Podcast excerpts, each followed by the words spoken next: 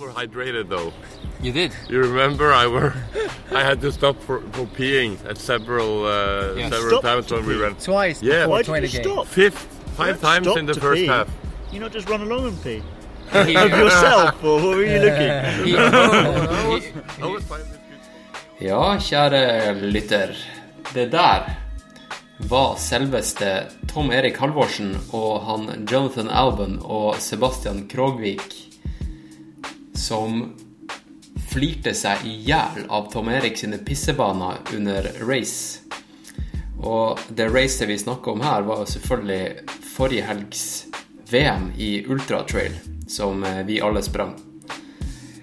Så det her er rett og slett en VM-oppsummeringsspesialepisode.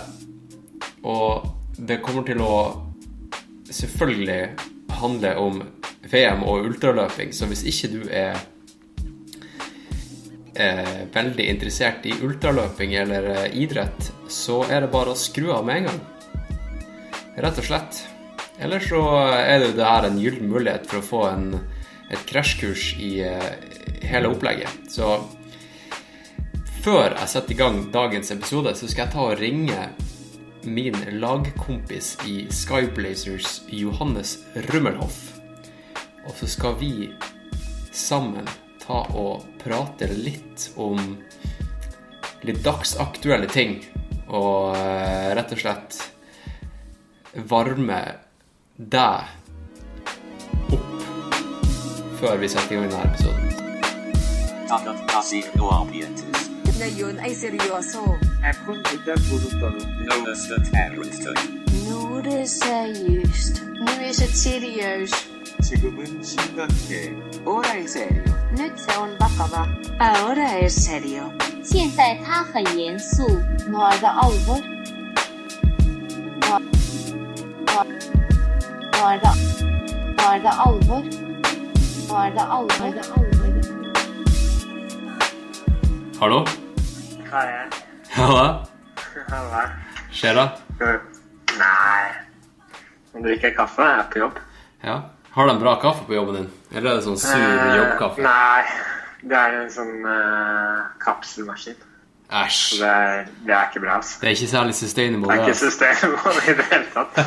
Men eh, vi har utvida, fått ny etasje, så skal det komme en sånn Solberg Hansen-maskin som går på bønner. da. Den er nice. Den har jeg prøvd.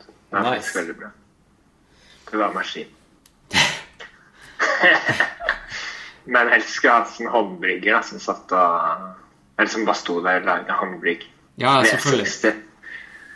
Det hadde vært nice. V60, ja. Ja, ja. Du, eh, du Johannes, du var jo med på forrige episode av uh, podkasten. ja, ja, ja. Har du merka noe.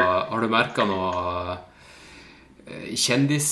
Merka noe til kjendistilværelsen? Er det noen som har approacha deg på gata?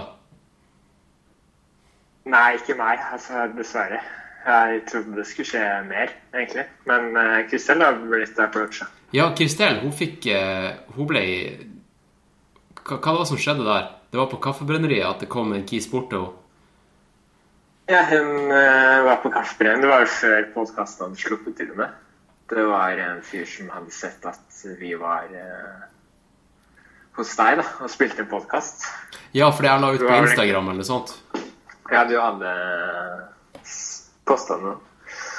Så han eh, Jeg vet ikke hvem han var. Det var en fyr.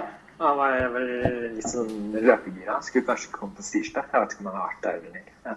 Fett. Så det var gøy. Ja, det er ikke, det er ikke noe tull, altså. Nå er det alvor, det Nei, det er alvor, altså. Nei, jeg har merka at folk har uh, tatt til seg det å ikke fly, da. Så det er gøy.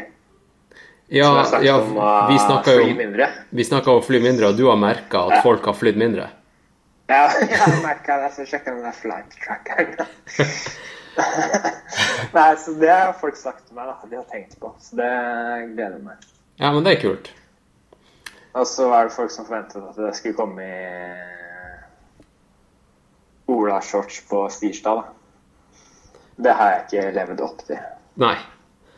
Eh, apropos, apropos stirsdag. Nå, altså det, I den podkasten her vi, jeg, jeg tror kanskje jeg har nevnt stirsdag hver eneste episode. Og det er jo Og, og hver gang må jeg ta meg sjøl i å liksom forklare til lytteren hva stirsdag er, for det er ikke en selvfølge at folk vet hva det er. Nei, nei, nei. Eh, Det er jo vår, må de bare lære seg. det er jo Ja. vår ukentlige løperunde i Lillemarka. Altså, vi springer på sti på tirsdager, og derav ordet stirsdag. Det skal sies at vi springer på sti hver dag, da. Men uh... Ja, ja, ja. Men, men her er på en måte fellestreninga. det er det absolutt. Ja. Så det er ganske rått. Det var starta jo med tre folk. Deg og Filipe og meg. ja. Og det har blitt Det er jo ti ganger så mange med nå, da. Hver Ja. gang, nesten. Ja. Ja. Fordi her på forrige tirsdag. På tirsdag nå som var, så var vi 31 stykk. Nei, det er sjukt. Helt insane. Jeg skal, jeg skal ta og eh, I, i uh, shownotes skal jeg ta og linke til det slideshowet du la ut på, på Skyblazers på Facebook. Ja, ja, Det er bare viser hvor sykt mange folk det er. Det, ja, det er sånn absurd når du løper på stien, da. Du løper jo kø på sti. ja, ja, men det, det er faktisk sjukt. Jeg husker, jeg det husker er jo løp som ikke får med seg 30 folk engang. Terrengløp, mener jeg. Ja, det er sant, det. Det jeg, husker, jeg husker en av våre første stirsdager. Da var vi kanskje fem stykk. Og så Ja. jeg, jeg, jeg var jo da veldig vant til å være enten alene eller bare springe med en til. Der, eksempel. Ja. Og så husker jeg bare det synet av å, å springe bakerst og ha fire stykk foran meg på, på sti. Det var helt sånn her eh, Det var helt sjukt, husker jeg. Og nå, og nå ødelegger vi jo marka med 30 stykk om gangen. Ja, ja, nei, det er ikke bra, ass. Det er ikke bra. Det, det er ikke sustainable. Jeg inviterte jo til en eh, 40 km løpetur på en langtur, da, i marka. Dukka opp ti stykk. Ja, Nei, det, det er ganske luksus. vilt, da. Nei, det hadde jeg ikke trodd, ass, for et år siden. Du, eh, du er jo faktisk eh, en Patrion av podkasten. Ja, Det vil si at du, får til, du har tilgang til eh, litt sånn ekstra foot, eh, Litt sånn behind the scenes footage og alt jeg legger ut der. Fikk, har du hørt den der, eh, det lydklippet som er en del av dagens episode? Nei, faktisk så prøvde jeg å laste den ned, og Ja. så fikk jeg det ikke til. Å ja, ok. For jeg hadde tenkt å høre på den. Ja. Eh, Så det Jeg vet ikke hva som skjedde, altså. ok. Ja, det var synd. Det ligger bare, det er jo bare åpen link fra Google Drive, så det var rart at det ikke Ja, for jeg tror det Safari har litt problemer med Google Drive. For jeg merker det på Oslo stil Det er mange som spør meg om sånn de GPS-filene. Ligger på på Drive. Eller er Ja. Ok. Ja. Nei, eh, Google og, eh, og Apple er jo ikke venner. Nei, nei, det er ikke det. Ok, så det er teknisk issue der, da.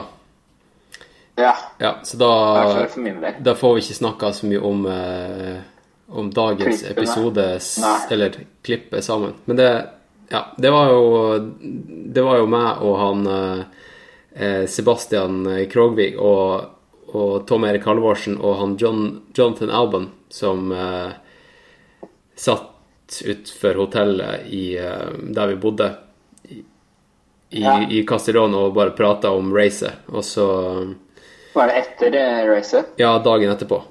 Ja. Fett.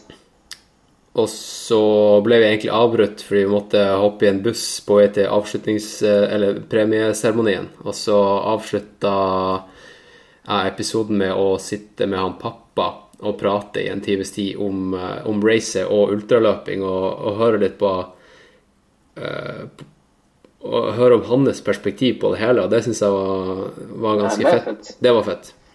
Ja. Så jeg tror, jeg tror alle, alle lyttere som er gira på ultraløping og idrett generelt, kommer til å elske, elske denne episoden her. Ja, og så er det bra å få inn noen som ikke driver med, da. Fordi det er så ofte at man bare prater med seg imellom, da. At det blir så internt. Ja, ikke Så når du Altså, får inn faren din som har et annet perspektiv på det, som ser det fra utsiden, det, er, det er bra, tror jeg. det tror jeg er, er dritbra. For det er sånn jeg bruker ikke selv til å lese mange artikler jeg skriver, for da Ja, nå, nå du Nå er du jo veldig intern her nå, da. Du bruker Kristel, og Kristel er, er samboeren din. Og artiklene dine er på Oslosti. Oslosti.no. Ja. Norges mest populære stiguide. Ja, jeg kan si det. Den er jo faktisk helt rå. Ja, den begynner å komme seg, altså. Ja, så det, det må folk sjekke ut. Og så tenkte jeg, for for å ikke gjøre introen her for lang eh, eh, Så Ja. skal- skal vi ta Jeg vil bare ta og ta opp um, Du skal springe Ecotrail på lørdag? Jeg skal det, altså. Jeg skal bare løpe 50 km, da. Ja. Så Men det er ikke bare bare det, altså. Det er ikke bare bare å springe fem mil. Det er hardt. eh, Det er hardere, vil jeg si, enn å løpe 80, altså. Fordi du må jo presse deg litt mer. Ja, det er høy, høyere intensitet. Høy intensitet. Ja. ja, hva du tenker om racet, da? Fem mil i uh, Oslomarka. Eller hva, for dem som ikke vet hva Ecotrail er, så er det jo et race som Det starter jo nærme Det går jo langs I utgangspunktet så starter det nede ved Grønland, og så går den opp til elva og til Kollen og Tryvanna inn i Bærumsmarka Ja, og nå, tilbake til byen, da. Det er åttemilsturen. ja. Som går på en blanding av grusvei, blåsti og asfalt. Så det har jeg løpt siden det startet, egentlig. Hvert år. ja. Men i år så tar jeg den 50. Som starter oppe på Frognerseteren. Ok, og så springer du ned i Sørkedalen og inn til byen? Ja. Og Litt oppi i Bærumsmarka, så ned til byen igjen. Så det blir bare småkupert, vil jeg si. Og mye nedoverbakker. Ja, ja, det, ja. Har du øvd på nedoverbakkeløpinga, da? Ja, jeg har jo grus, kjørt ned i grusveier, da. Nei, nei, ja. jeg har ikke øvd på noe av det her, egentlig. Så det, jeg har jo bare løpt på blåst i det siste. Tok en tur med Patrick på grusvei. Blanding av grusvei og stien her en dag. Ja. Grusa beina litt. Ja. Nei, det eneste som kan bli Nei, det blir spennende. Altså, det kan bli veldig varmt. Jeg tror det skal bli opp mot uh, 28 grader. Ja, du, jeg sjekka Yr nettopp. Og skal vi se, jeg skal sjekke Yr nå mens vi mens vi på stående fot. Og det er meldt 28 det, grader. Ja, det skal vi se. På lørdag Ja, dæven, 28 grader. Nei, det starter jo midt på dagen du. Klokka tolv starter Ja, starter. og da er det meldt 25, og så blir det 28 klokka to. Så Det er jo varmere enn VM i. Spania. Eller det er det samme, det er like varmt. Ja. Det Du er, hadde jo kjørt mye varmebehandling holdt jeg på å si, i Ja. badstue, da. ja, jeg tok mye Det har jeg ikke gjort. Jeg tok mye badstue i forkant, og, og det husker jeg på, på stirsdag som var, så, så var det mange som klagde på at det var varmt. Ja. Jeg merka ikke en dritt til det. Jeg, jeg har eh, rett og slett uh, Vet du hva? To uker med intensiv eh, badstue. Det, det, det, fun det, det funker som faen. Ja, det gjør det. Altså, jeg gjorde det før jeg dro til Cape Town. Og det hjelper, det, altså. Ja. Men sånn nå på tirsdag følte jeg ikke at det var så varmt nå, altså. Nei, men det er det er, det kan hende jeg har blitt uh, Jeg får si at jeg er litt herda, altså. ja, men, Nei, nei, det kommer til å bli varmt, men det blir jo det for alle, så det går greit. Det er sant. Jeg får ha litt sånn uh, en våt bandana rundt hodet. Ja. jeg, jeg, og han, eh, jeg og han Felipe skal jo crewe deg, og, eh, Ja. og noen andre i. Ja. Hva, hva du tenker om eh, Hva er ditt ideelle crew-scenario? Nei, det er ganske Ble brutt. Ja, det ble brutt. Jeg vet ikke hva som skjedde. Nei. Nei. Men ja, jeg mista det der Jeg spurte deg hva, hva er ditt ideelle crew-scenario, og hva er det du vil få, få på en måte tildelt ute i løypa mens du er ute og springer? Nei, det er en ny eh, friske flaske med Morten, egentlig. Ja. Og kanskje en Red Bull. Det er vel egentlig ikke så mye mer. Og litt gels, da, hvis eh, ja, Slippe om sukker. Red Bull, Morten og Gels. Ja. Så tanken er jo å prøve å løpe slett mulig, da. Så, men problemet er at de første to milene er uh, uten support Ja. og uten vannstasjon, så jeg må kanskje dra på meg mest de første to milene. Har- vann, Siden det er så varmt. Har du lov til å legge fra deg vesten? Ja, det står ikke noe om det. Nei, så du kan i, i teorien starte med vest og ha med deg to små To flasker, og så legger du fra deg vesten, og, Ja, det er tanken, tror jeg nå. og så får du tildelt et belte av oss halvveis. Ja. Ja. Og med alt det her sukkeret, så det høres det ut som at du får en midlertidig diabetes type 2. Ja, ja, ja, ja. Det blir, det blir drøyt. Ja. Bare løpe, bare løpe høy intens for å benytte meg av alt. Ja, men uh, liquid energi og mye sukker, det tror jeg går bra på, på fem mil. Ja, Du- du trenger ikke noe Nei, mer enn det. Det blir uh, balls to the wall, som de sier. Nei, vi får se. Det blir spennende. Altså, jeg vet ikke hvem andre som skal løpe, så uh, Ja, og du har jo ikke akkurat du har, Det her er ikke A-racet ditt i år. Nei, Det er treningsrace. Treningsrace, og så får vi bare se hvordan det går. Ja. Bare banke hardt hvis det skjer. Hva er det som er A-racet ditt i år? Det er vel egentlig TDS, da, som er i slutten av august, som er eh, det nest lengste UTMB-løpet. Ja, og det, hvor langt er det? 125, eller noe sånt? Ja, 125, og så går det en annen trasé, da. Den går fra Cormayor så litt mer høyere opp i fjellet. Og tilbake til Chamonix. Ja. Så er det litt uh, UTMB og CCC som går med på vel, veldig velbrukte stier. Som er bredere, kanskje. Jeg vet ikke, jeg har ikke løpt TDS. Så. Jeg, jeg har hørt at TDS eh, skal visstnok være en, den feteste ruta. Ja, vi får håpe det. ja, nei, jeg tror det, det skal være bra, det, altså. Så det, det er vel greia. Ja. Og så Hornindal før det, da. Det er også det er liksom den norske satsingen.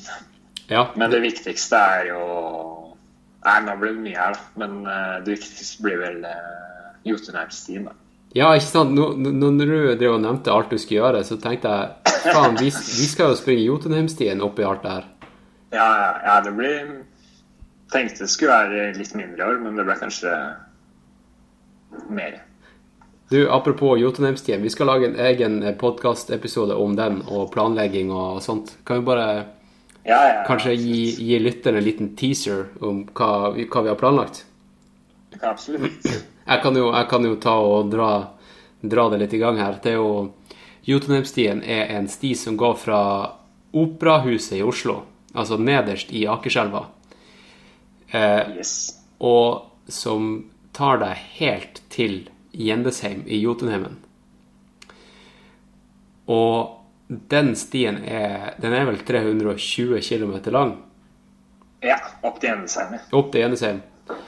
Og som alle vet, så er jo uh, Gjendesheim Det er eh, på en måte Det er med Det er rett med Besseggen. Og du kan springe, eller du kan gå, som, som alle egentlig gjør. Du kan gå fra Gjendesheim, og så kan du gå til eh, Glitterheim, som er foten til eh, Glittertind. Og derfra så kan du ta deg opp til eh, Glittertind og ned til Spiterstulen, og derfra igjen kan du ta deg opp til Galdhøpiggen. Yes. Så planen, da det, hår, det, det store, hårete målet er å ikke bare ta Jotunheimstien, men å toppe det med å springe opp til Galdhøpiggen. Ja. Så, og det å, å connecte hovedstaden og Norges høyeste fjelltopp, det er årets eh, ekspedisjonsplan. Det er det, altså. Ja. Det blir rått. Det høres jo fantastisk ut. Ja. ja, det kommer til å bli Jeg gleder meg til det, altså. Ja. Stort. Kommer til å bli hardt. Det kommer til å bli hardt. hardt. skal gjøre det raskt, men uh, det blir bra. Har du gjort deg noen tanker om hvor lang tid du har lyst til å bruke på det? Nei, jeg tenker eh, rundt eh, fire dager. Fire dager. Det, det høres bra ut. Jeg er med på den. Bra. Da er det en avtale. Det er en avtale. Det er fett. ja. Du får eh, kose deg med podkasten. ja, jeg skal gjøre det. Du. Ja, du jeg skal bare gi en, jeg en shout-out til, uh, Ja, til uh, Patrion-supporters. Ja. Og da skal jeg, skal, jeg har bestemt meg, jeg skal ikke ta med etternavn. Det blir litt sånn her uh, personvern... Personlig. Ja. Så jeg, jeg skal bare gi en shout-out til Markus, Paul, Jørgen, Tor Erik og Joakim. Det er, Bra folk. det er dritbra folk. Uh, digger dere. Og jeg får faktisk uh, han Jørgen på besøk i kveld. Han skal plukke opp noe Skyblazers-badge for sy, ja, for å, for å sy på eh, drakten sin til Ecotrail til helga. altså. Mr. Bein og skalle. Fy fader. Og nå hører jeg at eh, en gressklipper starta i bakgården her, så nå passer det kjempebra å stoppe recordingen. Ja, det høres bra ut. Hei, du Johannes, gleder du deg til å høre dagens episode? Ja, ja, jeg gleder meg virkelig. altså Det blir spennende. Ja? Det er jo snacks for eh, ultra-nerds. Det her er Ultrasnacks, og ikke bare, ikke bare droppe den episoden her i dag, altså torsdag den 24. mai, men jeg så at det er nettopp kommet en episode av Talk Ultra også. Å, Så det blir jo en stor ultrapodkastdag. Du skal bare sitte i sofaen og Ja. Ja. ja. Ja. Ok, Nei, men det er bra. fett eh, at du tok deg tid til å eh, være med i introen. da. Bare hyggelig. Ja. Ja. Vi, eh, vi snakkes, da. Snakkes. Ha det bra.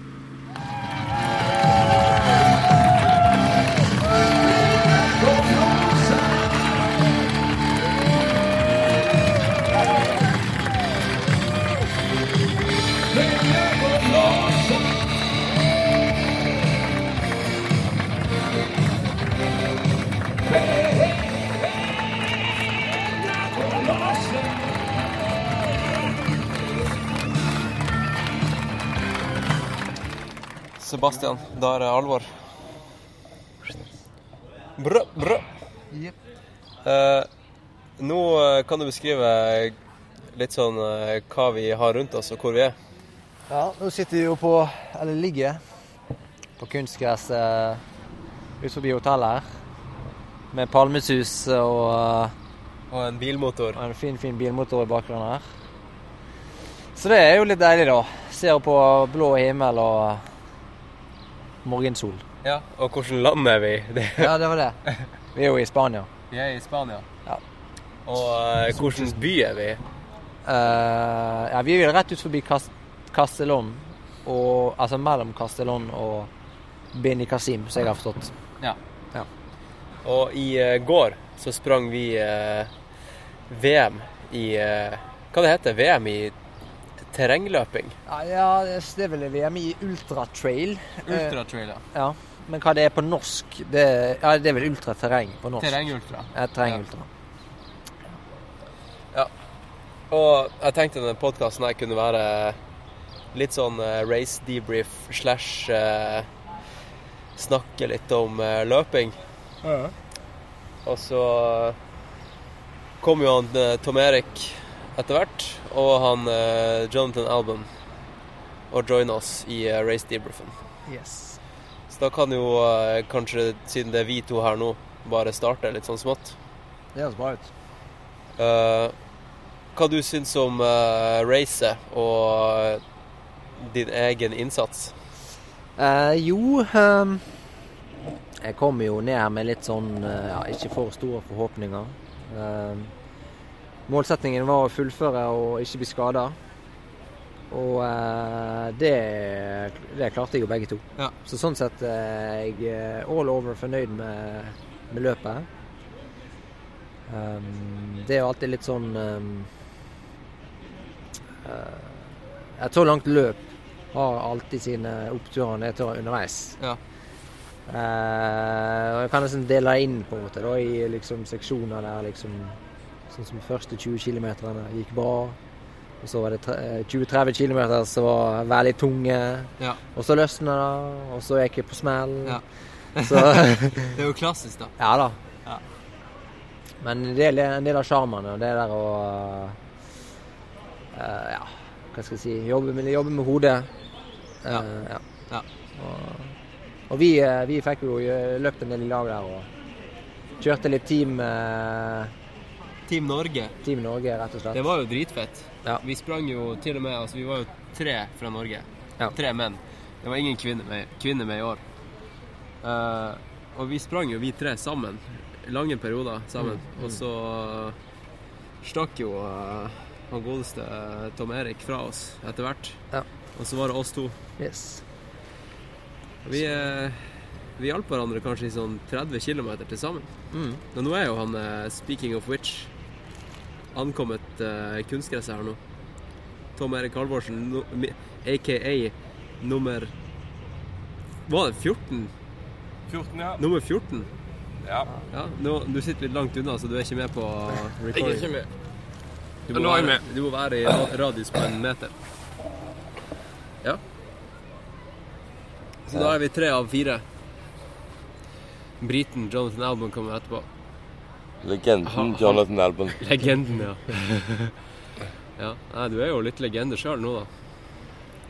Ja, det var Det var bra, det her, altså. Ja. Nå har jo eh, nå har Sebastian litt sånn eh, kjempekort eh, oppsummering av sitt race. Jeg tror ikke han kom med noen konklusjon. Du kom og avbrøt, men eh, du kan jo bare Vi, vi stoppa litt sånn eh, der at eh, vi, vi sprang sammen, vi nordm nordmenn. En del. Du stakk kanskje etter sånn 20 km? 15 km fra oss? Ja. Ja, jeg syns jo vi hadde Vi hadde jo en fin, rolig åpning der sammen, og, og Det starta klokka seks på morgenen. Det var jo kjempemørkt. Ja. Det var helt patetisk hvor mørkt det var. Ja. Det var sånn her Det her går ikke. Det her er ikke, det her er ikke meninga. Vi ser jo ikke en dritt. ja. Jeg var litt skeptisk der på, eh, på startstreken. må jeg innrømme. På, eh, på lyset. Ja. ja. Men det gikk jo, det gikk jo en eh, ja, 20 minutter, så var det jo greit. Ja. Ja han Elav. Olsen, svenske, han òg nevnte det når vi sprang, men, eh, men det lysna veldig fort, da. Ja. Nei, men vi sprang jo sammen, og så Det som skjedde da, var jo at han tyskeren, Janos Kowalczyk, som ble nummer ti i fjor, kom forbi meg. Og jeg hadde en plan før løpet at eh, han skal jeg henge på. ja. Så når han kom, da, så ble jeg litt sånn, så spurte jeg eh, Sebastian òg om eh, skal vi henge på han, for han kom jo litt fort. Så sa jeg vel et eller annet, jeg tror gjerne vi ikke skal det, men så endte jeg jo opp med å henge på han allikevel. For så senere å springe fra han, om det var lurt i en oppoverbakke, det vet jeg ikke. Så, men så lå jeg jo foran han da fram til seks mil eller noe sånt. Så. Men han, var jo veldig kjapp på flaten. Han Vel jeg inntrykk av han Ja. var fort flatt, eh, ikke så fort i bakken. Jeg gikk mye i bakken. Ja. men Jeg var ganske god å gå. Ja. Hva, God hiker. hva dere tenker om hvor det er smartest å ta igjen folk? Er det vits i å ta folk i motbakker, eller er det nedoverbakker? Eller kommer det veldig an på din styrke? Ja. Jeg, jeg, føl, jeg har litt sånn følelsen av at det å prøve å ta igjen noen i oppoverbakke, hvis det er Hvis du liksom har sånn cirka samme tempo, så er det for mye waste av energi å liksom sette inn støtet i motbakke. Hvis du er flink i nedoverbakke, så sparer du mye mer krefter på å bare gønne på i nedoverbakken. ja. Mitt inntrykk er egentlig at eh, det er bare å keep it steady. All, eller det er liksom, nesten alle som på en måte er de jeg vil spare rundt, sant? for eksempel, i en motbakke, Ja. springer veldig raskt i starten. Så har du bare, bare keep it litt cool, og så uh, tar du igjen etter et par minutter, og så begynner de å gå, og så bare jogger du forbi. Ja. Mm. Og sånn samme egentlig med nedover. Folk er veldig Eller i starten på en flate òg, så øker de farten. ja. Mm. Men så uh, innser de at ok, det var kanskje litt optimistisk med den farten her. ikke sant? Mm. Så det er liksom det, Og det er jo det jevne som drar, på en måte. Så Det- jeg tror det Det racet her var jo De sa jo det skulle være 85 km, men det endte jo opp med å være 89 ca. ja. Too much stress in this whole team shit. We started the recording. Okay, so no swearing. No swearing. This is No. uh, trial. Sorry. it just gives you extra editing work. We're talking about our excellent uh, Norwegian team effort. Yeah, I know. Considering uh, you only bought three people, I thought you did pretty well. Yeah. It's always better to have spares. I'm not sure what position we got or what I think we were at least we were top ten in the team competition. top 10 in And we beat the Swedes, which is That's the obviously main the most thing. important thing. So you came first. Really. Did we beat them at uh, Eurovision uh, last night? Anybody know? Oh, I didn't couldn't, check. Couldn't care really. Really? We were number 15, I think, and uh, Israel won. All right. but I uh, didn't really. Yeah. That's enough about the Eurovision Which- Song. Moving on. Uh, okay, so now we have a fourth person here, and uh, we started talking English. Oh, sorry. Uh, that's that's There we totally fine. Yes, my audience. Uh, Are all Told- Norwegians? They can speak English. yes. Better than me. so I and you're uh, you came uh, number fourth. yes. Are you happy with that? Yeah. Yeah. Static. Most people are saying this was my first ultra, which isn't strictly true, but I guess ultra trail run. That's right, First, yeah. so- You did a 24-hour obstacle obstacle course race last year. Yeah, but last year I got sick the week before and tried to do it and dropped out after six hours. I've done it the last three years in a row. Yeah. Um, I would guess I would uh, say that's an ultra. yeah, yeah, yeah. yeah. No, it, it really just depends what you classify as ultra or trail or mountain or this and that. There's lots of different federations all saying different things. Yeah. But apparently this was the first time I'm doing a race with this group of people because different groups of people do different types of races and this is a different one so no one knew who I was. And that was kind of nice to be honest. Mm. And uh, the Brits, how did your team do? Because Yeah, that's a, a big part of this uh, this uh, competition's. Uh, what can I say? yeah, Focus It's, is, it's, is it's pretty funny actually because uh, as a team, as, as a country, you can either really focus on trying to win the whole event, which would be going out hard and trying to last through and then hopefully get the gold, or play it safe and try and get as many team points as possible uh, without. Because I mean, you could if you go really hard from the beginning, you can drop out, completely die, and then come nowhere, or just not even finish. Yeah. So it's a big risk to take. So as a team, the GB boys, we all kind of we were going for the team cup more than anything else. So we all played it a bit safe. Uh, we all ran good races and came through solidly. And we got a third and a fourth, and someone a little bit further back. So we got we ended up getting a silver medal in the team nice, team race. So. nice. I think uh, I think the Swedes. I, I think they didn't get any because. Uh, You got a DNF. They got a Yeah. DNF. Yeah. So uh, Did he drop litter or? No, he, he went too hard in the beginning. Okay, so so he yeah. dropped Yeah, out. Andrea. Yeah, Andre, yeah, but he had just a bad day total. Yeah. He said he couldn't eat anything for the first 50k and then ran out of energy and stuff. But you have days like that. But then that's Yeah. part of part of what you train for and part of you can be in the best shape possible. But if you don't have the race race battened down, and that's yeah, it. that's that's uh, something I think people neglect a little bit in their training is uh, being able to to eat while you run. Yeah. It's, uh, I was being very particular about the eating yesterday. Get trying to get as much energy as possible, at least for the first half of the race. Eating when I'm not hungry, just chugging it down. Um, and uh, well, I didn't really go empty. What do you say? Yeah. At any point during the race, so I think it worked out fine. But I overhydrated though. you did. You remember I were I had to stop for, for peeing at several uh, Yes. several Stopped times to when we pee? ran. Twice Yeah. before Why did you stop? Fifth, five times in the first pee. half. You not just run along and pee I was enjoying the view. Also, also he, of yourself, or what were you looking? he, I was, he, I was finding this good spots. he also pissed in the downhill, Yeah, which is a big no-no. Yeah, Yeah. yeah, I did, and you went off, but No, I had two two uh, pissing sessions, but I just ran along while I was doing it. just dropped back a little bit. That, that needs some training, doesn't it? I Isn't don't there some some blockage do, keeping you from? I, I I can I can let You go just, after. you've just been doing it since you were when I did kid, the, the 24 hour obstacle race, you pee what like twice a lap. If anything, that's what warms you up when you're so cold.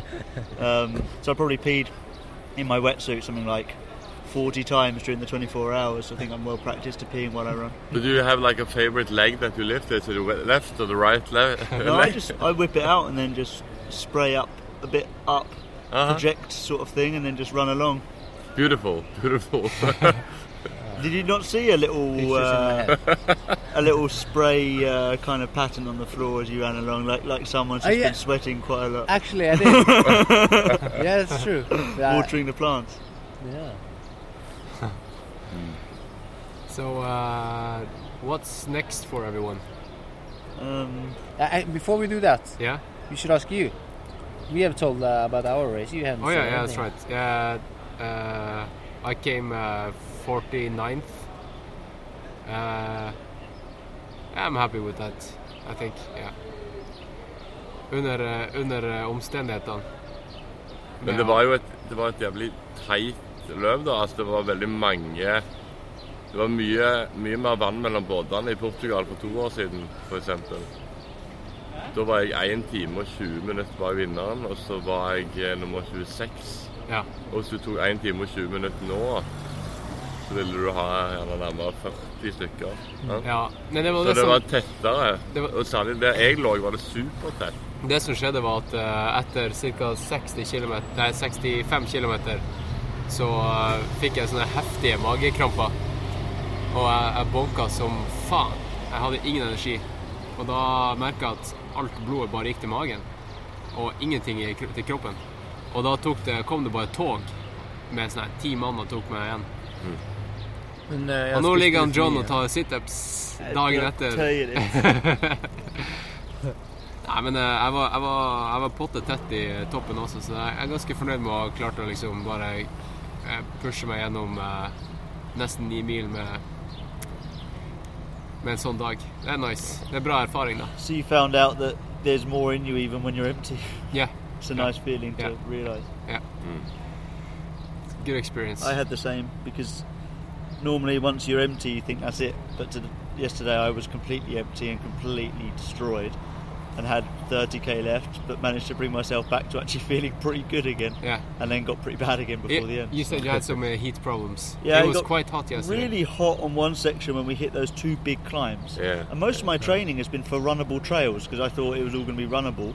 And then we had these horrible steep hiking climbs, which I just wasn't prepared for, and just it destroyed me. I was literally wobbling around. It was, it was awful. I, I felt like I wanted to crawl up under a bush and just go to sleep. Um, and was really close to doing that, but then I thought about the team too, yeah. and the fact that you, you had to finish for the team. And um, I ate some coffee beans and took another gel and like just patiently kept on plugging away. And then we got to a bit more of a runnable section and things started to come back my way. I overtook the American guy, which blew up, and then Uh, Zach ran, Miller? ran through for Yeah. fourth. That, that, that's funny. We should uh, bring up the, the coffee bean thing because people often ask um, the elites, do you have any secret weapons? Your secret weapon is coffee beans. No, this is the second time I've tried. I tried it in Burger Marathon just to see if it was okay, Yeah. and I just ate a coffee bean. One coffee bean. Just yeah, I think they, co- they it comes in like a half a coffee bean, doesn't it? When you buy it from the store, you get like this little Yeah, yeah, maybe, half a yeah. thing, maybe. Yeah. Uh, I just had like five in the breast pocket of my vest, and I've had them in there for the last week. So every time I've been for like a loosener run, they've been in there. So they were kind of like a bit wet and chewy. Hmm. but I popped it in there, chewed it up. It didn't make any problems to my stomach and stuff, and I think the caffeine must have given me a hit. There's a lot of caffeine in one coffee bean. When you look at how many cups of coffee in one coffee Yeah. bean, it's quite a lot. But is it just for the coff- caffeine, or is it also for for the intense flavor of the coffee bean?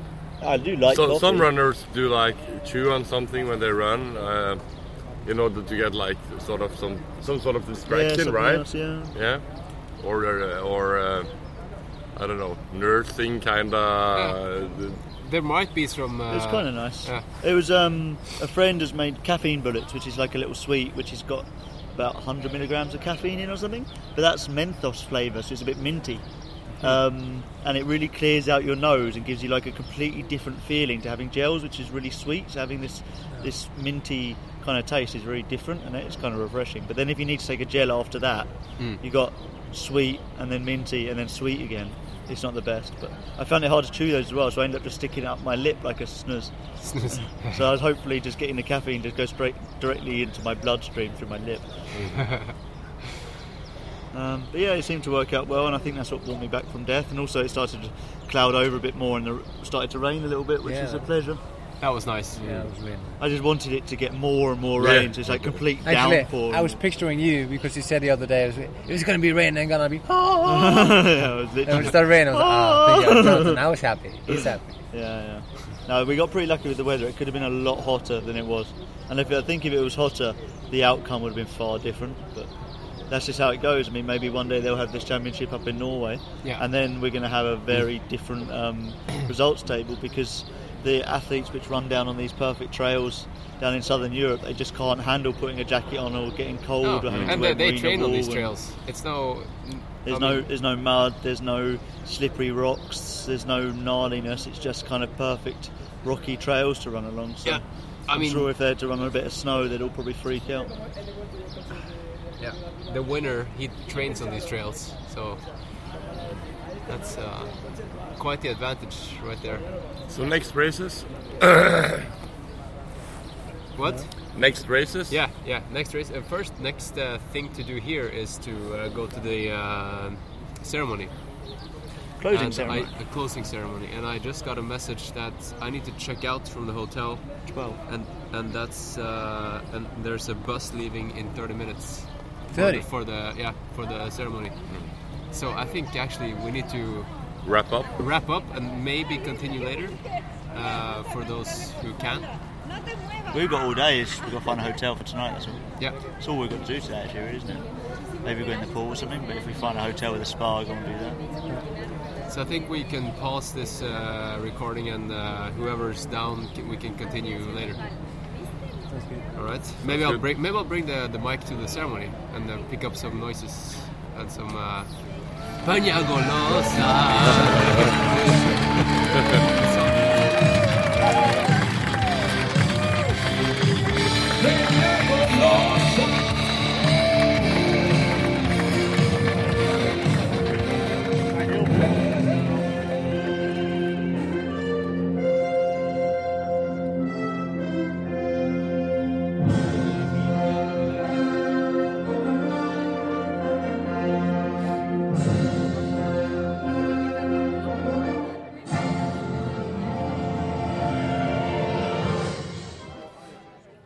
Señoras y señores, bienvenidos a la ceremonia de entrega de medallas de los campeonatos del mundo trail. has excelled in all of these three areas, making it the, the best trail world championships we have ever hosted. Thank you, Pina Golosa. Agradeciendo a Peñalosa. What an outstanding race in both fields. We now have a three-time world champion in Luis Alberto Hernando and a former medalist who's the new world champion in Raghunath Debats.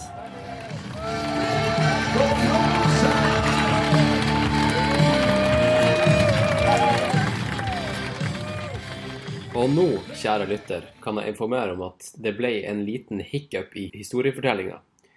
Etter denne eh, premieutdelinga og avslutningsseremonien så måtte alle plutselig bare stikke, og det ble litt kaos, så vi fikk ikke fortsatt race debriefen.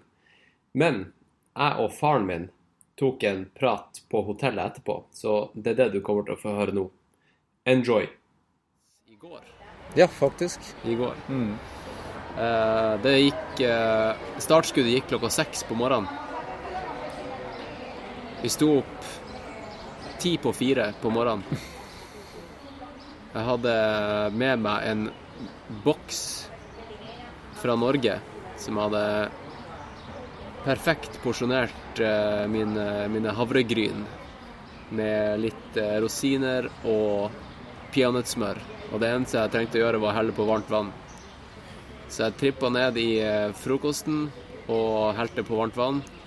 Spiste havregrøten, en liten kopp kaffe. Gikk opp på rommet, tok på meg alt av raceutstyret, og så var jeg klar. Det var starten på dagen. Eh, hva du gjorde da, pappa? For det er jo du, Bård Smedsrød, som sitter uh, attmed meg her. Ja.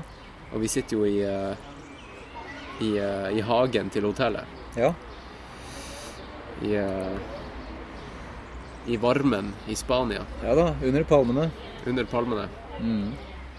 Så hvis folk hører litt uh, fugler som plystrer i bakgrunnen, bakgrunnen så, så er det det. Og litt, kanskje litt uh, spanjoler som snakker.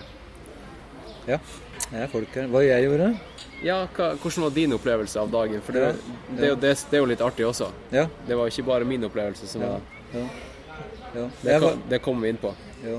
Jeg var jo med da som eh, eh, ikke bare turist, men jeg var med for å prøve å, følge opp og ja, bidra til å støtte litt også der det var mulig. Men det var, det var jo ganske tøft å stå opp så tidlig.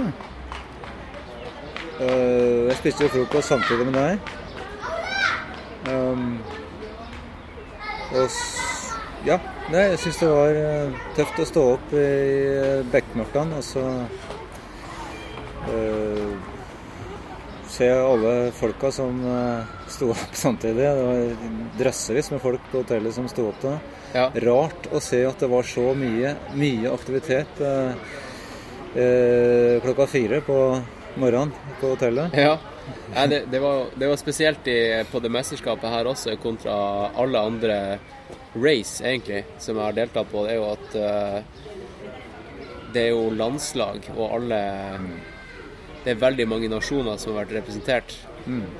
Og alle gikk rundt i eh, landslagsdrakter Mm. og satt med sine bord. Så du kunne liksom se Der sitter britene, der sitter amerikanerne og eh, Ja, stemninga var til å ta og føle på, altså. Mm. Den var virkelig til å ta og føle på. Ja. Sånn har det vært eh, under alle måltidene også. Folk sitter uh, samla nasjonsvis. Ja. det er jo spesielt da når nesten ja, praktisk talt 50 nasjoner eh, skal delta. Ja. Så, er, det- så blir det spesielt, kan man si. Ja. Mm. Eh, videre, da, hvis vi spoler fram til eh, Ja, vi tok eh, klokka halv fem cirka. Så tok vi eh, buss ut til stadion der eh, racet skulle starte. Sammen med alle de andre løperne. Det var ganske bra stemning på den bussen der. Der Ja, var det, det det vet nok du, for jeg var ikke der. Nei. Jeg kjørte bil sammen med andre folk, men Ja. det spiller ikke noen rolle. Nei, da var det, da var det alvor. ja, det var det nok, ja. Ja. Og så kom vi frem, og så var det uh, veldig mange som pissa i busken. Det er artig hvordan ting er lov når det er race. Alle bare tar seg til rette. Jeg husker jeg, jeg bare Jeg, jeg strippa meg helt naken og skifta til en eh, undershorts. Jeg, jeg tok litt sånn last minute decision og valgte å ha en undershorts under shortsen. For å sikre at det ikke ble noe gna gnaging. Ja. Så da, da blotta jeg meg sjøl. Eh, uansett, det neste, neste steget var å gå gjennom en sånn gear check. Og, og det som var påtvungen av utstyr i år, da, det var en regnjakke, fløyte og eh, beholdere til å kunne fylle én liter med vann. Mm. Eller væske, da. Hvis du ikke har det utstyret i orden, så Da blir du diska. Ja. Det var ikke bare sånn kvarters penalty. Mm. Det var disk. Mm. Det er ganske, ganske harde kår. Ja, men det må det vel være når det er så lange løp. Fordi ja. folk kan jo komme skikkelig ut og kjøre og skade seg hvis ikke de har med seg dette. Ja. Mm. Og så, så kan vi også nevne at vi var to andre nordmenn som sprang. Ja. Tom Erik Halvorsen og Sebastian Krogvik. Ja. To hyggelige fyrer, det. To, eh, to veldig eh, hyggelige og sympatiske karer. Ja. Og eh, ja, startskuddet gikk. Det var jo sånn klassisk Kan man si en sånn spiker som fyrte opp stemninga med å Ja, jeg vet ikke. Det var noe masse musikk og holoia. Ja. ja. Men så gikk nå starten, og den første kilometeren gikk vel unna på 3 minutter og 20 sekunder. Og selvfølgelig alle dem som var over, eh, overgira og wasta jo altfor mye kalorier og energi på, på de første kilometerne. Det, var, det gjaldt jo bare å ha is i magen. Hvor mange var det totalt som starta der? Det vet jeg ikke. Nei, men det var i løpet ditt så var det 200, 220? 239, tror jeg det var. 239, ja. Ja. Ok. Uh, og så var det masse andre folk òg? Det var andre løp samtidig? Ja, men ikke på samme startstrek. Damene stilte, stilte de der? Eh, ja, det mener jeg. Ja, jeg tror det. skjønner jeg. Så det var nok eh, godt over 300 iallfall som starta Ja, det kan være. Ja. Og så eh, Ja. Så starta vi nå med å springe, eh, vi tre nordmenn, sammen. Sammen med svenskene, faktisk. Hadde det ganske fett de første tre-fire kilometerne. Og det var jo dritmørkt. Og det her eh, Jeg hadde jo en liten race debrief med et par andre på planen i stad, så det her snakker vi litt om, faktisk. Så det blir litt repetisjon. Ja, så det var oss tre svenskene Eller oss tre og, og svenskene. Og jeg tror han Jonathan kom eh, bak oss også, etter hvert. Og så eh, var vel egentlig den første drikkestasjonen etter ca. 10 km. Og ja, jeg var jo jeg var forkjøla, så jeg husker at uh, det tok kanskje sånn 5-6 km før jeg hadde fått hosta og harka opp all driten i lungene og i, i nesa. Før jeg følte at jeg var liksom Nå, nå er systemet i gang. Ja. Jeg var litt, eh, det var litt eh, kritisk eh, før løpet også, var det ikke det? For at du var blitt forkjøla? Ja, det var, det var ikke noe fett, det, altså. Spesielt når man har eh, de siste Etter at man fikk eh, vite at man ble tatt ut til VM, lagt om hele livet sitt for å for å kunne prestere i det her mesterskapet. Sant? Mm. Bytta jobb. ja, faktisk. Gått ned eh, betydelig lønn for å få mer tid til trening. Og ofra ganske mye, altså. Og så skal, er- skal alt liksom eh, rettferdiggjøres på de her ti timene og på denne dagen. Mm. 88 km ble det på 5000 høydemeter. Ja. Nei, det er, det er stor, eh, stor satsing på kort tidsrom, og da blir jo sjansen stor da, for at det, det kan få store konsekvenser hvis du ikke kan løpe akkurat den dagen. Ja. Så ehm, ja. Det neste Ja, vi kom oss vel til, eh, til første For det var tre tre matstasjoner. Det var vel kanskje sånn seks stasjoner i totalt. Mens tre av dem var sånne offisielle stasjoner der eh, man kunne få hjelp. Mm. Altså det var, det var matstasjon med crew. Med personale, ja. Med Mm. personale, ja. Mm. Og eh, det var kun der det var lov til å motta hjelp. Mm. Og der var vi tre stykk fra Norge på de stasjonene. Hver, hver nasjon hadde sitt uh, crew, da, Ja. eh, personale, som tok imot og, og, og serva med drikke og, og andre ting som dere trengte. Ja. Og da visste jeg på forhånd at uh, hvis man kunne klare å komme seg til andre og tredje stasjon med relativt freshe bein, så eh, så var det viktigste gjort. Fordi det er da det hardeste delen av løypa Mm. kom. Og det var jo etter 60 km. Mm. Eller 62.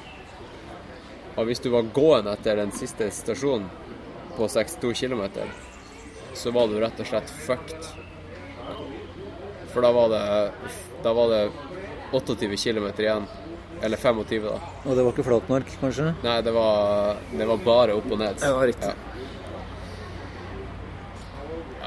Men eh, ja, jeg trodde Jeg tenkte egentlig at eh, jeg var ganske fresh etter 62, men det, og det var jeg jo. Men så fikk jeg en skikkelig smell etter den siste stasjonen. Mm. Uh, og det er jo klassisk i ultra at eh, man har noen sånne her highs og lows. Men denne gangen merka jeg at alt hadde egentlig gått ganske smooth fram til da. Og så var det et sånn tydelig eksempel på at eh, magekramper går utover formen helt sjukt mye. Mm. Fordi at eh, alt blodet går til magen. Mm. Ingenting går til hodet. Og muskulaturen, og muskulaturen. kanskje. Mm. Men jeg tror mest at uh, det er Jeg tror faktisk mest det er hodet. Fordi det er eksempel Når hodet ikke har energi, ikke har glukose f.eks., hvis du har gått tom, så er det jo ikke det at du uh, faktisk har gått tom i musklene. Du har alltid litt glykogen igjen. Det er bare at det er ikke nok til å holde det maskineriet til hodet i gang, som gjør at du er klar. Det eneste brennstoffet som gjelder i eh, hodet, i hjernen, det er glukose. Ja, med mindre du har gått over til eh, ketose, da. Ja, men da Det er jo en sykdomstilstand, nærmest. da. Ja. Eh,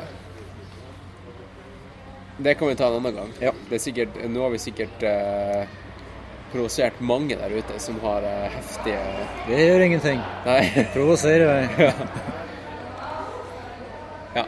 Men det, jeg jeg er ganske sikker på at uh, mye av sånn følelse av å være helt nede fysisk, det er egentlig bare hodet som, som forteller deg at du er nede fysisk. Men du er ikke det. Nei, men så mister du uh, brennstoff til hjernen, så blir du uh, mentalt satt ut, og da kommer det antageligvis først en liten nedtur i form av en eh, slags depresjon, eller Ja, for at det er mister hodet sier, Jo, hodet sier jo fra at nå må du roe deg ned. Mm. Nå må du få pulsen ned fordi eh, du må bruke eh, energien din på andre ting. Slutt på brennstoffet. Ja. Ta det med ro.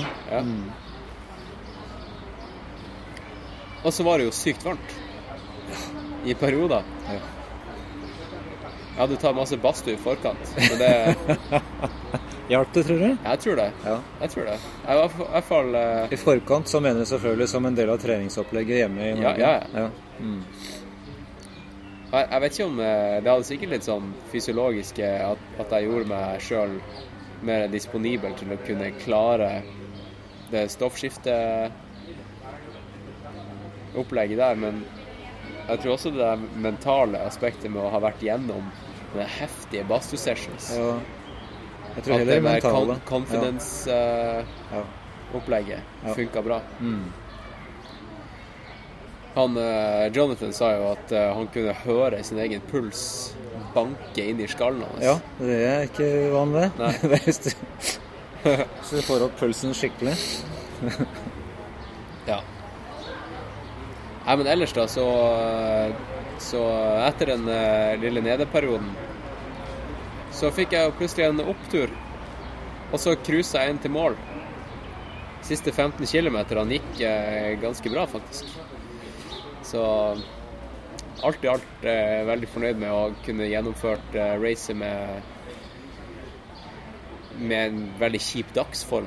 Mm. Fett å kunne gjennomføre eh, nesten 90 km med, med ikke optimal kropp. Mm.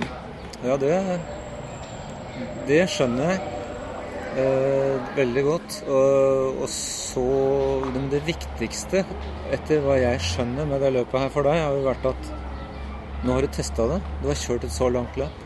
Ja, ikke sant? Og det har du ikke gjort før. Nei. Det lengste løpet du har vært med på før, var 80. 80 ja. Ikke så stor forskjell, men Nei, det, for, det løpet var jo på sånn 1800 høydemeter. Ja, Her var det på 5000. Ja, nemlig. Um, ja. ja. Og så laginnsatsen, da. Den var dritbra. Vi kom på, fikk en topp 10-plassering for Norge. Det ble topp 10, ja? Jeg er ganske sikker på det, ja. Ja, ja. Antakeligvis gjorde det. Ja. Vi slo svenskene.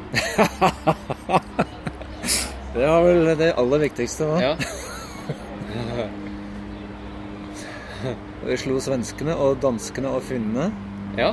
Ja, flott. Best Ja. i Norden. Best i Norden. Ja. Nei, det kunne jo vært eh, fett å snakke litt om arrangementet i seg, i seg sjøl. Ja, det kan være viktig for folk å vite hva dette er for noe. Ja. Og snakke litt om hvor ufattelig svært det er. Eh, Det er nok eh, for en vanlig nordmann som kanskje har deltatt på et par eh, terrengløp i Norge, og som hadde kommet hit og sett det her, så ville han, eh, han eller hun fått sjokk, tror jeg. Ja, det tror jeg nok. Det, det er seriøse greier. For, for å For eksempel så kan man jo se på antallet som har vært med å jobbe for dette her. Det er 600, 600 på dugnad. Nei, 700. 700, ja. Det er jo enda bedre. uh, og det er altså et Det var bare den ene dagen løpet gikk, hva? Ja. Altså, ja. Uh, og uh, for å kunne arrangere et sånt løp med så mange deltakere, så krever det et, en vanvittig logistikk. og ja. Vi kan jo si mer om forskjellige ting etterpå, men bare det er jo viktig å merke seg. Logistikken må jo være gjennomarbeida i lang, lang tid i forveien til minste detalj. Altså. Ja. Det var Alt gikk knirkefritt. Ja, det var ingen hiccups. Helt utrolig. Et så langt løp med så mange deltakere. Så- Ja, for det var jo ikke bare VM, det var jo to andre race. Ja. Et som starta klokka tolv, eh, altså på natta. Seks timer før oss. Som gikk eh, ja, gjennom hele natta. Og det var vel 105 km eller noe sånt Mm. langt. Mm. Eh, og så var det andre 65 km, tror jeg. Mm. Den starta en time etter oss. Så totalt sett så var det jo sjukt mange deltakere. Ja, jeg, vil, jeg vet ikke riktig hvor mange deltakere det var i de andre løpene, men, eh, men som nevnt, altså i VM så var det 200 239, i hvert fall på herresida. Jeg vet, Det Ja. kan være det var totalt også. Ja. Jeg er ikke sikker, altså. Nei, altså de andre løpene Jeg sto og fulgte med selv på de som kom inn i mål, og det var Jeg tror det har vært flere som var med i de andre løpene. Ja, ja, ja, ja, ja. Så å holde styr på alt dette her samtidig, det krever, det krever eh, mye logistikk og, og, og planlegging. Ja. Mm. ja. greit nok med alt som var planlagt rundt, men så har du jo det her folkehavet av tilskuere Mm. som dukka opp. Vi sprang jo fra landsby til landsby til landsby til landsby. Mm. Og eh, det var jo bare helt sjukt mye folk som var ute og så på. Mm. Akkurat som, eh, som femmila i Holmenkollen, liksom. Eh, Ja, akkurat. det er jo det. Mm, Bare ganger ti. Ja, og så ganger tida, riktig. Ja. Og så flere ganger. Ja. ja, det er helt rått. Men en annen ting som også kan nevnes, da, det var, det var som jeg syns var veldig spesiell, det var den eh, dagen før løpet. Prosesjonen. Det var to dager før. Ja, to dager før, unnskyld. Ja. Mm. Eh, for det var det var nesten en sånn miniutgave av 17. mai. Ja. I, eh, i eh, eh, Hva heter den? Castellón. Ja.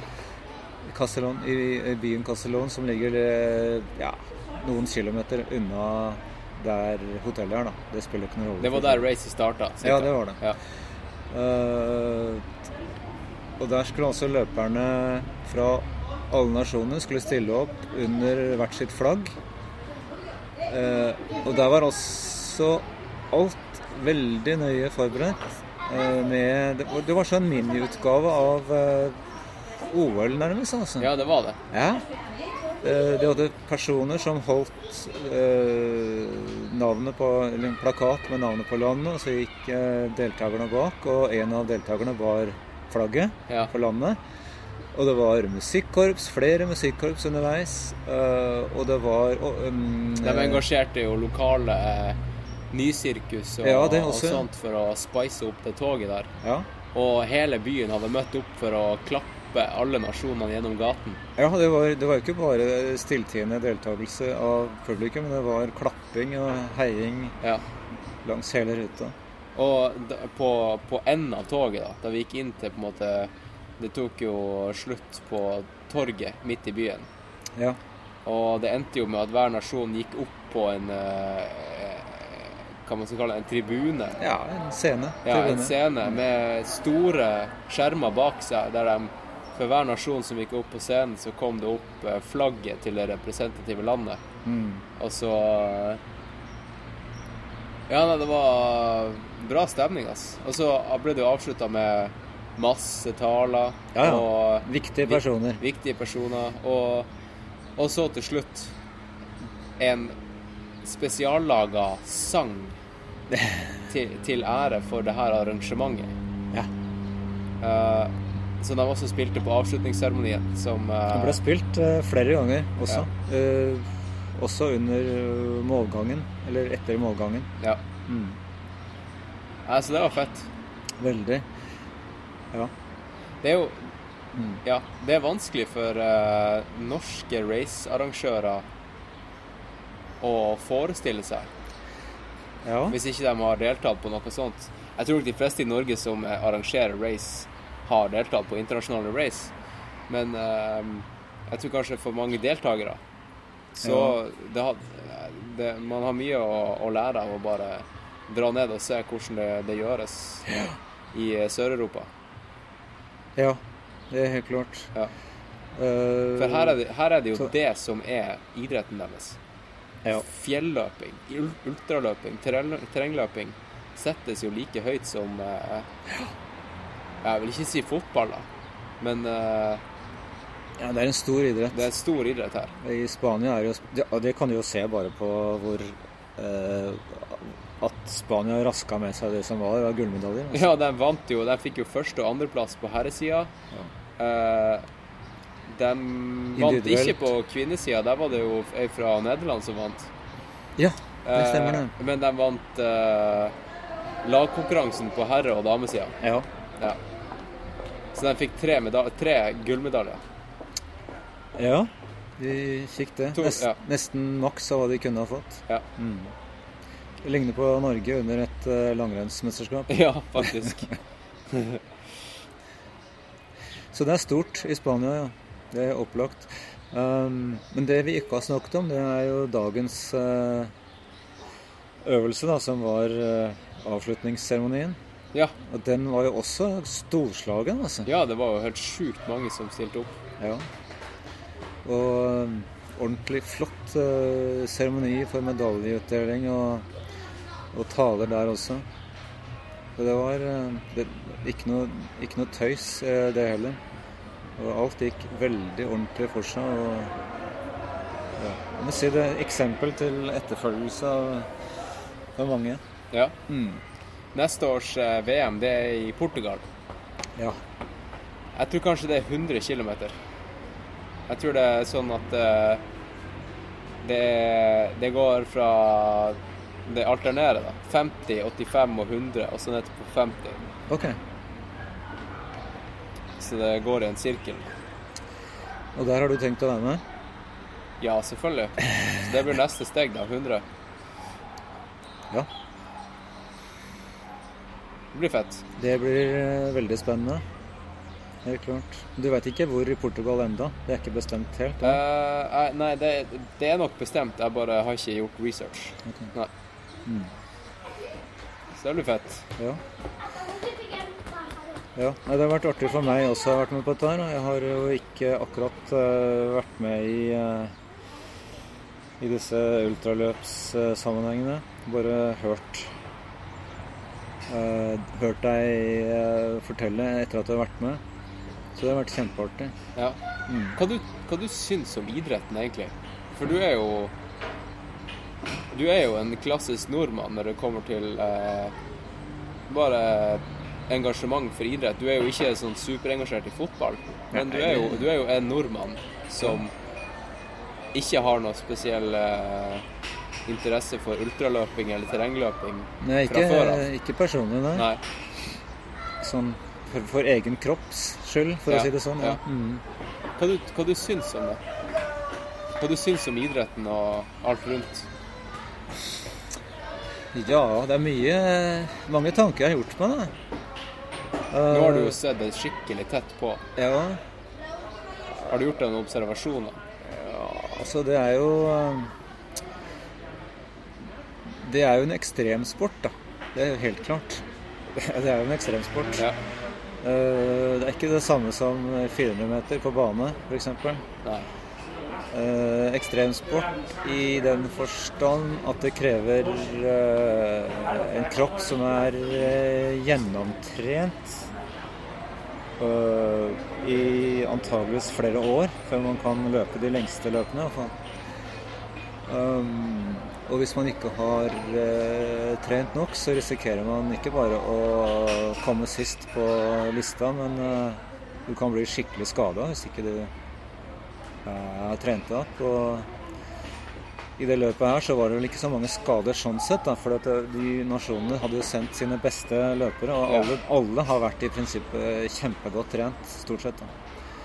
Eh, Man kan jo se, men allikevel så var det jo ja, Folk kaller det interessant å se at eh, det var såpass mange som gikk og halta og hinka etter å ha fått såre muskler og eh, Ikke bare såre muskler, men, men uh, fått sikkert uh, Ja.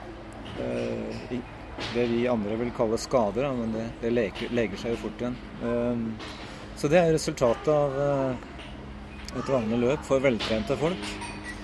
Så det her er jo en idrett som det er, Man kan si at det er for spesielt interesserte, men det er interessant å se hvor mange som er opptatt av det. Altså. Og, og, og, åpenbart så er det eh, en økning, stadig økning i antallet som driver denne idretten. Um, I Norge så er det jo ikke så veldig mange foreløpig, men de kommer. Og i utlandet så er det, etter det jeg har skjønt og sett, eh, under allerede har utviklet seg godt, og pluss at det er under utvikling fortsatt. Flere og flere som driver med det. Så det er vel noen refleksjoner som jeg har gjort. Eh, Så er det andre ting, da. Når man sammenligner med andre typer idretter, så er dette her de voksnes idrett, altså. I stor grad voksne folk sin idrett. Det er ingen barn, det er ingen ungdommer. Du må være eh, utvikla for å kunne utsette kroppen for de, eh, de påkjenningene her. Det, ja, det er jo litt interessant å merke seg. Um, og det har jo i- Ja, jeg, jeg skal ikke si noe mer om det. Jeg har gjort meg mange tanker, men vi kan ta det seinere. Tenke på organiseringen. Men, men det kan jo være litt av grunnen til at uh, det er vanskelig for idretten å bli kjempestor, fordi at det ikke kan uh, slå på en måte virkelig an blant kidsa. Fordi det er jo, det er jo sånn som fotball, da. Det er jo Det blir jo kjempestort fordi at det er jo tusenvis av kids som engasjeres. Og foreldrene engasjerer seg i det, for de digger idretten også. Ja. Alle digger den idretten. Mens denne type idrett, det er kun da foreldrene i det tilfellet Ja, som digger det. Og det er jo ikke alltid at foreldrene er med heller. Nei. Det er slett ikke vanlig i det hele tatt. Det. Ja, men det tror jeg er et godt poeng.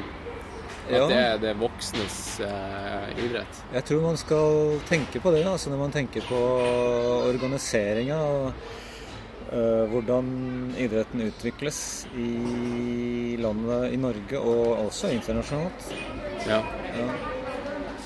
Um, tror du det blir noen uh, OL-grein, dette her? Kan det bli er, det? Jeg er usikker. Om jeg, om jeg tror det, eller om jeg vil det, er jo Nei, to forskjellige spørsmål. Ja.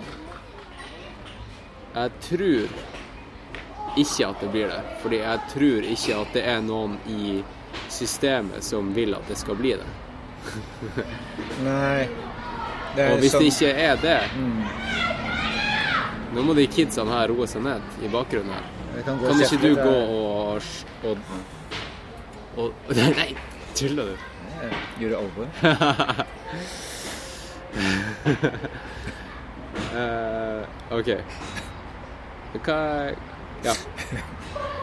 Hvis ikke det er noen uh, innad som er supergira på det, så kommer ikke de til å fronte det og drive lobbyisme for å få det inn i det her gammeldagse OL-systemet. Ikke sant? Nei, For OL OL er jo eh, en blanding av sunn idrettsinteresse og, og gammelt, gammelt byråkrati og bekjentskap. Så for å få det inn i OL, så må du jo virkelig ha lyst. Altså, du må trumfe det gjennom. Du må ha Ja. Ja, det kommer vel kanskje en gang, men uh, neppe med det første. Jeg tror du kan sammenligne det med snowboard. Da det kom i 98 i eh, vinter-OL. Mm. Det var mange som uh, rista på hodet da. Terje Håkonsen f.eks., han nekta jo å delta. Ja. Han mente jo ikke at det var, hadde noe å gjøre der. fordi at snowboard var jo egentlig ikke Det er jo ikke en organisert idrett. Altså Det var jo det som var meningen med å drive med snowboard. Mm. Man starta jo med det fordi det var ikke organisert. Hadde du ville drive med noe organisert, så hadde du stått på ski. Sant? Eller Ja. spilt fotball. Mm. Hvis det var rebellene som drev med snowboard. Ja. Nå er jo ikke akkurat vi rebeller som driver med ultraløping, men Det er ikke langt fra. litt, litt, av gre langt fra. litt av greia er jo at vi er independent, ikke sant? Ja. Og springer på sti som er ikke bane, som er satt i system, og der du måler tid. Ja. Jeg identifiserer meg ikke med min maratontid, ikke sant? Det er ikke det som er greia. Nei. Maraton er jo OL-gren. Ja, det, det er nok sant. Altså. Det, det, det, det kan man jo merke seg også. Kanskje at eh, eh, man løper jo ikke på tid på samme måten som i andre idretter. Nei. Det er ikke noen fast bane, liksom. Nei, det er forskjellig bane fra gang til gang. Ja. Um, ja. Men det er andre ting også. Det, det er jo det, jo, det er jo en idrett som alle andre idretter, selvfølgelig, men det har noen andre aspekter ved seg som er uh, veldig bra, egentlig. og Det er at uh, det er greit å vinne gull og sølv og bronsemedaljen og sånt. Det, det er jo kjempefint, de som klarer det. Men uh, som, som jeg og andre bruker å si, så er det jo altså Bare det å gjennomføre et ultraløp er jo nok til å si at du er en vinner, liksom. Og da er du vinner i ditt eget uh, univers. Uh, det, det å komme fram og ha løpt løpet, det er uh, Det er en ja, personlig gullmedalje, kan man si. Da. Ja, men det holder ikke i OL. Nei, jeg vet jo at ikke det holder i OL, men det er, det er akkurat mens vi snakket om OL, så har du rett i det. Men jeg syns det er viktig å ta opp akkurat det også. Ja. Ja, det, det gjør noe spesielt med den idretten der. Og så er den upretensiøs. Hva du mener Ja, altså det er ikke Klart det Man stiller jo med kostbart utstyr og sånt, men det er jo ikke Det er ikke stæsjidrett, altså. Nei, all idrett er jo stæsjidrett for dem som vil at det skal være det. Ja. De, fl de fleste nybegynnere henger seg opp i hvilket utstyr man skal ha. Ja. Men det er jo begrensa hvor mye utstyr du kan få tak i. Og du kan bære med deg på en uh, Ja. Ja. ultradistanse. Ja, altså I utgangspunktet så trenger du jo bare sko. Ja. Ikke det engang. Mm. Du kan springe naken Ja. hvis, du, eh, hvis du vil det. Ja. Og så kan du drikke fra elver og bekker og spise bær. og kanskje fange spi Fange en slange på veien og spise den. Ja, kanskje det. Ja. no. no, no. er- nei, det Ja, sant det. Uh, ja, altså Og så er det jo eh, upretensiøs i den for, forstand at uh, det er ikke noe TV-idrett, altså. Det kunne vært det. Det kunne jo vært tidenes TV-idrett. Absolutt. Hvis man hadde laga noe fett produ- produksjon. Ja. Det, jeg, jeg tror det kunne vært det, for du ser jo f.eks. Tour de France. da. Der dekker de jo fra Selvfølgelig, da er de jo på vei. Det er enklere å filme fra veien. Like, det er jo, hvis man vil, så kan man filme fra hvor som helst i terrenget. Nå er, jo, nå er jo teknologien såpass bra at du kan ha skikkelig stabil footage fra, Mm. fra stien mens du springer bak noen andre som springer, med et håndholdt kamera. Ja, stabilisator. Stabilisator, Mm. og du kan ha droner. Ja. Og det hadde vi jo også nå, men det, det er jo droner på alle race jeg har gjort. Eh, men det er ikke livesendinger som regel. Men det kunne vært det. Ja. Ja. Nei, vi har jo vi, Norge liker jo langrenn, da. Ja. Det er jo ganske lange løp, og det, det er jo ikke noe problem å sende det på TV. Nei, og det finnes jo langløp på TV også. Ja. TV 2 sender jo eh, sånn her eh, Sikkert Marcialonga, tror jeg. Okay. Og Vaseløpet. Ja, ja. Og, og Birken. Mm. Og selvfølgelig så er jo TV som medium på vei ut, så jeg tror ikke TV er egentlig Skulle man dratt inn ultraløp Ja. på som eh, som broadcasting, så tror jeg nok vi ville snakka ordentlig sending på internett, som streaming. Mm. Og UTMB, det her racet som går rundt eh, Mont Blanc, som er 170 km, de er jo kjent for å ha en ganske bra sending. Men det er fortsatt ikke kontinuerlig live fra teten, liksom. Okay. Det er kommentering, og så, alt og så eh, Ja, det er litt sånn fra boksen, fra studio. Ja. Og så er det litt fra stien.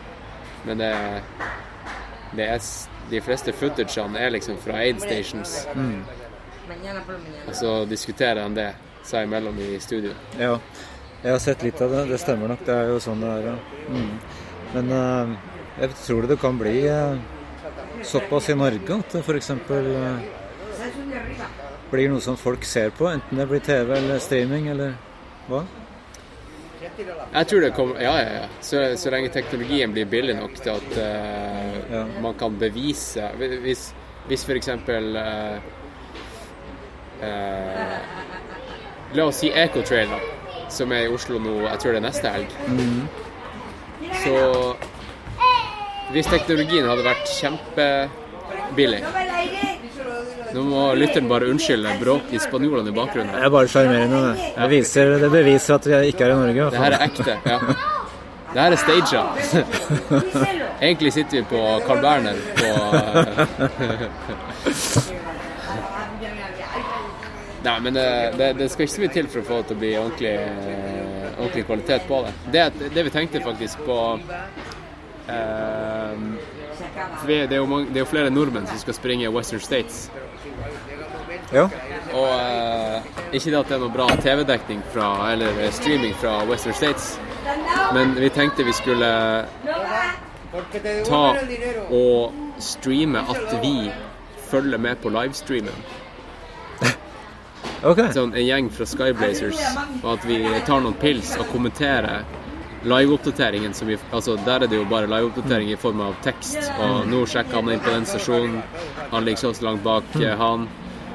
Eh, litt sånn som eh, den der NRK-serien som heter eh, dem, dem som ser på TV. Ja, Der man ser på dem som ser på TV. I sofaen eller et eller annet sånt. Ja. Ja, ja. Ja, noe sånt. Så hvis vi bare kunne Istedenfor at eh, folk måtte klikke seg inn på en sånn her stygg tabell og bare følge med, så kunne de heller fulgt med Mm. oss. Der vi, der vi hadde f.eks. livetabellen på skjermen samtidig som vi kommenterte. Og så varer det jo 24 timer. Det hadde vært fett, da. jeg. Jeg tror mange hadde satt pris på den type underholdning. Ja. Ja. Det, I Norge, i hvert fall. Ja, for oss, eller de som klarer å se litt framover, eh, forbi TV-en, så er nok Er det dette her muligheter, da. Mm. Ja. Hvis du som lytter eh, tenker at det hadde vært fett, og du kunne tenke deg å tune inn på den eh, live-eventen der, bare si ifra. For det kommer til å skje. Og hvis eh, om så det bare er én som ser på, så er det fett. Vi kommer til å gjøre det uansett.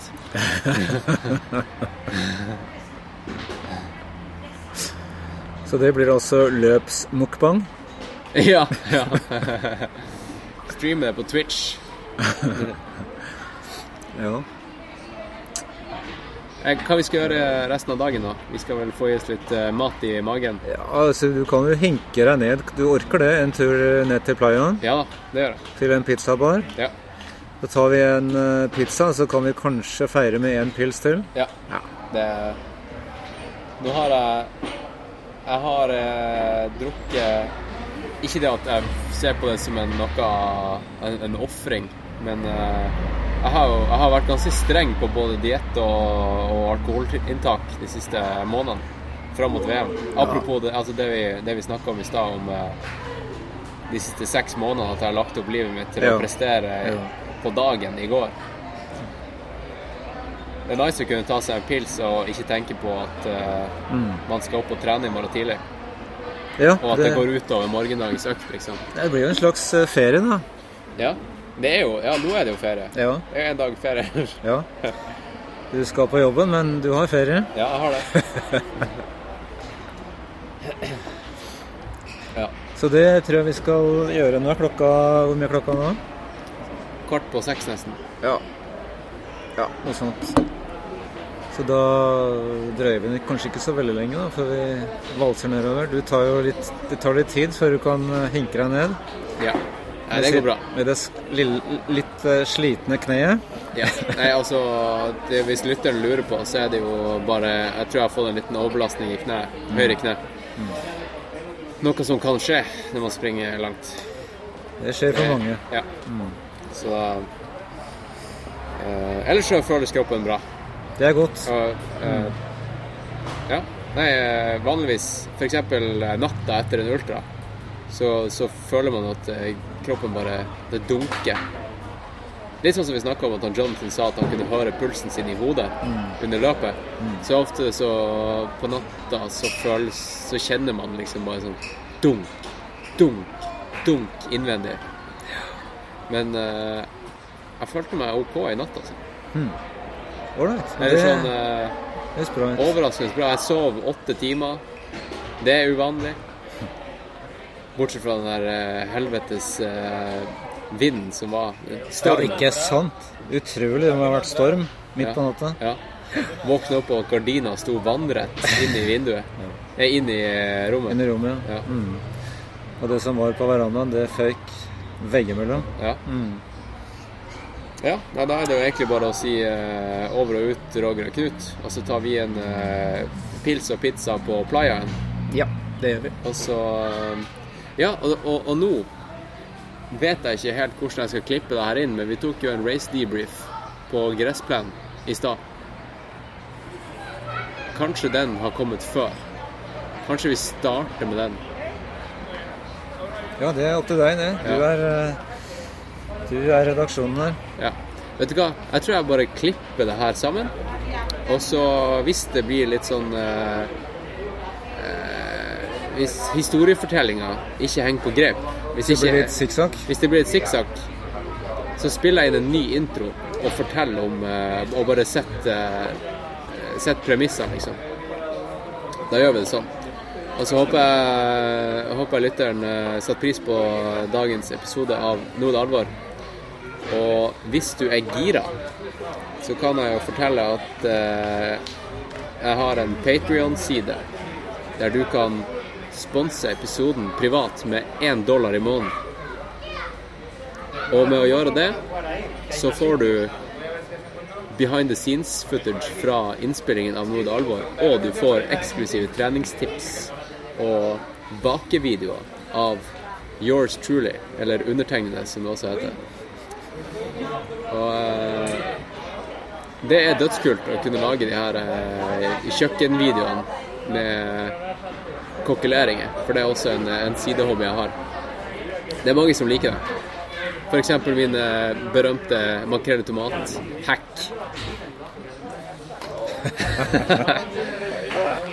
ja, men folk digger den. Ja da, det tror jeg sikkert. Ja. OK, men det var nok egenreklame. Så, eh, så snakkes vi. Vi snakkes. Vi snakkes. Ha det. Ha det.